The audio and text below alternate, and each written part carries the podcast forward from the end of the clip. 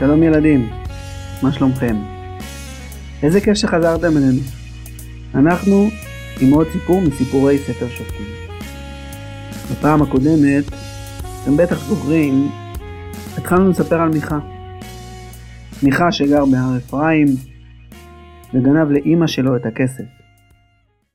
אימא שלו לא ידעה שזה מיכה הבן של הגנב, ולכן היא קיללה את מי שגנב לה את הכסף. היא אמרה, יכה השם את מי שגנב לי את הכסף. מיכה שמע את הקללה הזאת ופחד. פחד שהקללה תתקיים. ולכן הוא בא לאימא שלו ואמר לו, אימא, זה אני הגנב. ואימא שלו גם נורא נבהלה, ובשביל להגן עליו שלא ייפגע היא רצתה להקדיש את הכסף להשם כדי שלא יקרה למיכה כלום. אבל במקום לתת אותו למשכן, היא שלחה אותו לקנות לה תרפים ואפוד. ומיכה העמיד את התרפים בחצר של הבית שלו ונתן לבן שלו להיות כהן. ואז עברנו לספר על מקום אחר, על נחלת שבט יהודה. ולפני שסיפרנו את הסיפור שרצינו לספר על נחלת שבט יהודה, דיברנו קצת על הנחלה של שבט לוי. או בעצם ליתר דיוק, על זה שלשבט לוי לא הייתה נחלה בארץ ישראל. הערים שבהם ישבו בני שבט לוי לא היו בנחלה אחת בארץ, הם היו מפוזרות בין השבטים. ובערים שישבו בני שבט לוי לא היו שדות, ואנשים לא עסקו בחקלאות, היו רק בתים למגורים. למה זה? מה פתאום לכל השבטים יש שדות ומטעים ותעשייה, ורק לשבט לוי אין. והסברנו שזה בגלל שהשם רצה ששבט לוי יהיו פנויים לעבודה המיוחדת שלהם, לתפקיד שלהם. עם ישראל היה צריך לפרנס אותם. אבל מה העבודה הזאת שהם היו צריכים להיות פנויים אליה? נכון, יש להם תפקיד גם במשכן, בבית המקדש. הכהנים שהם משבט לוי מקריבים את הקורבנות. ושאר הלוויים, שאר בני שבט לוי, צריכים לשיר בבית המקדש ולהיות השומרים בבית המקדש. אבל את זה הם עושים רק שבועיים מתוך שנה שלמה, במשמרות, וזה מעט מאוד זמן. מה הם עשו בשאר הזמן? לעבוד בשדות הם לא עבדו. ובעבודות אחרות הם לא עבדו, אז מה הם כן עשו? מה, מה היה התפקיד שלהם? לשבט לוי היה תפקיד נוסף. ומי שנתן להם את התפקיד הזה זה משה. כשמשה בירך את עם ישראל לפני שהוא נפטר, בפרשת וזאת הברכה, בפרשה האחרונה בתורה, משה אומר לשבט לוי, יורו משפטיך ליעקב ותורתך לישראל. ישימו קטורה באפיך וחליל על מזבחיך. קטורה באפיך, לשים קטורה באף של השם ולשים כליל על מזבח השם זה הכוונה לעבודת הקטורת, שזה אחד הקורבנות, וכליל זה קורבנות העולה, זה באמת עבודת הקורבנות. עבודות המשכן והמקדש. אבל, מה זה יורו משפטיך ליעקב ותורתך לישראל? יורו זה ילמדו.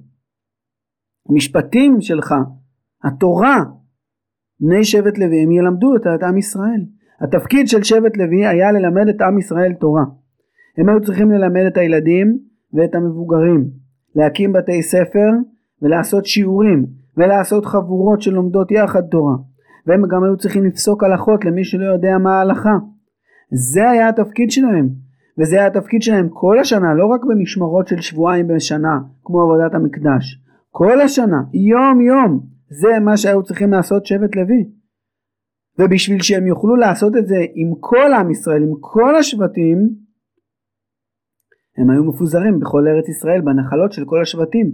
הלוויים שהיו בשבט יהודה לימדו את שבט יהודה תורה ופסקו להם הלכות והקימו להם בתי ספר ולימוד תורה לילדים. והלוויים שגרו בנחלה של שבט ראובן עשו את זה אצל שבט ראובן. והלוויים שגרו בנחלה של שבט זבולון לימדו את זבולון.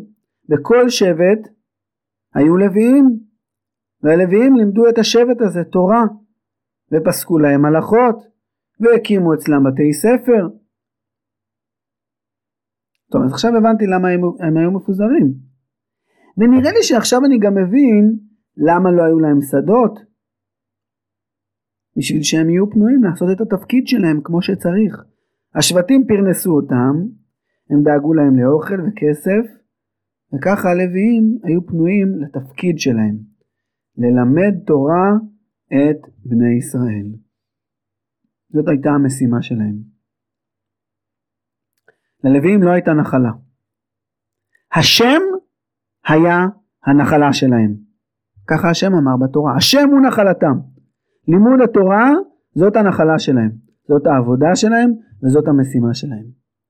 וכל הדבר הזה שסיפרתי עכשיו על שבט לוי, על הנחלה של שבט לוי, או בעצם על זה שלשבט לוי אין נחלה, זאת בסך הכל הקדמה. בשביל לספר על נער לוי אחד שחי בתקופת השופטים, בתקופת מיכה. והנחלה שבה המשפחה שלו גרה הייתה נחלת שבט יהודה. והתפקיד שלו ושל המשפחה שלו היה ללמד תורה בשבט יהודה. והוא והמשפחה שלו היו צריכים להתפרנס מהשדות ומהכרמים ומהצאן שיש לשבט יהודה. היו צריכים להביא להם מעשרות מהחיטה ומהשעורה. היו צריכים להביא להם מעשרות מהגפנים, מהענבים והיין, מהזיתים ומהשמן זית. היו צריכים להביא להם מעשרות מהתאנים שיש בנחלת שבט יהודה.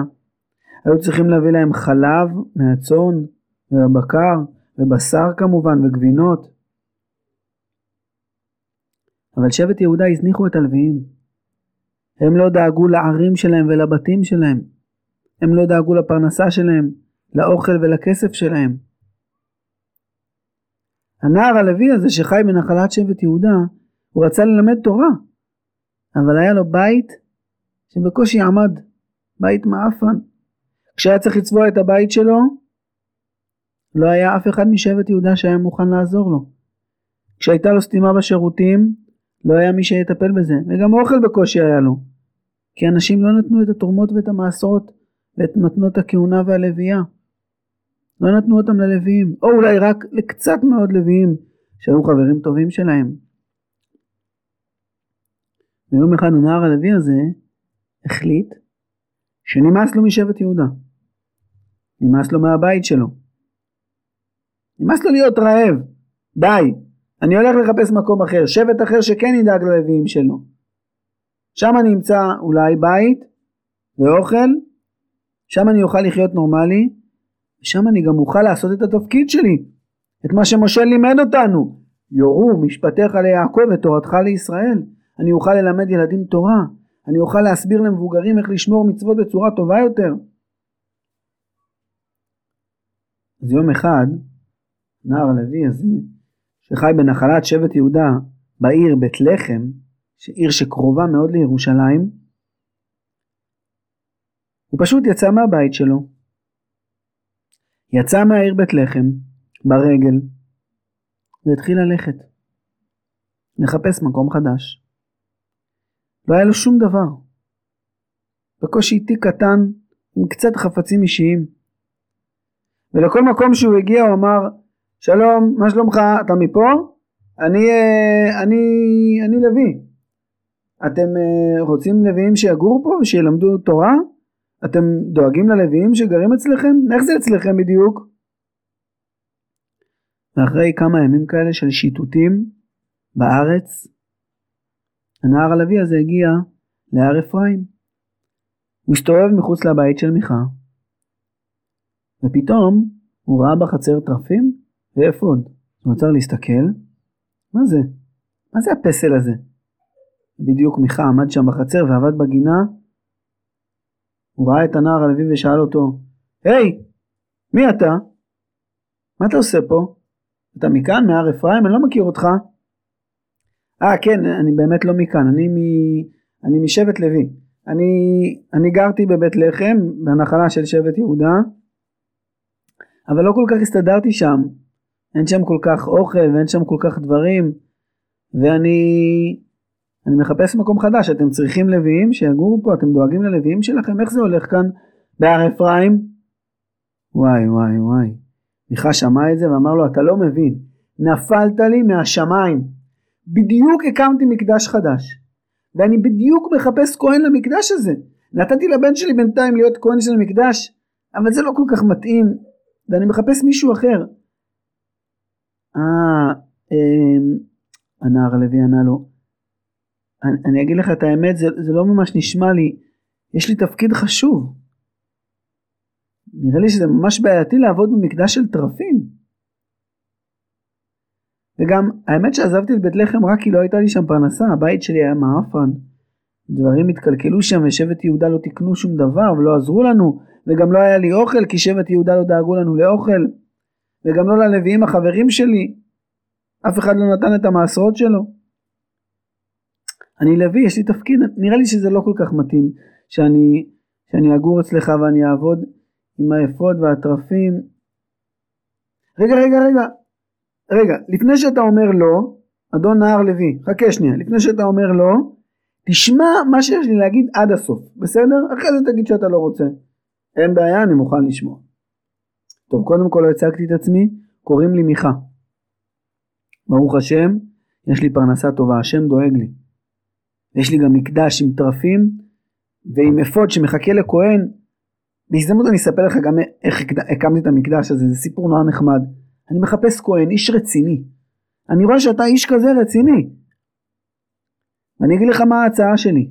הכהן שיעבוד אצלי בטרפים יקבל עשרה מטבעות כסף לשנה. זה לא המון, אבל אפשר לחיות מזה. אני בטוח שלא תמצא משהו יותר טוב. חוץ מזה, אני אדאג לך לחדר שתוכל לישון בו עם מיטה וכל מה שאתה צריך. אני אדאג לך גם לאוכל, אני אדאג לך גם לבגדים. בכסף תקנה את שאר הדברים, בעשרה מטבעות כסף האלה שתקבל לשנה. הנער הלוי שמע את ההצעה ואמר לעצמו בלב וואי וואי וואי. סוף סוף פעם ראשונה יהיה לי קצת כסף. ואני אוכל לחסוך את הכסף הזה. ואני אפילו לא אצטרך מהכסף הזה לקנות בגדים ואוכל ורהיטים.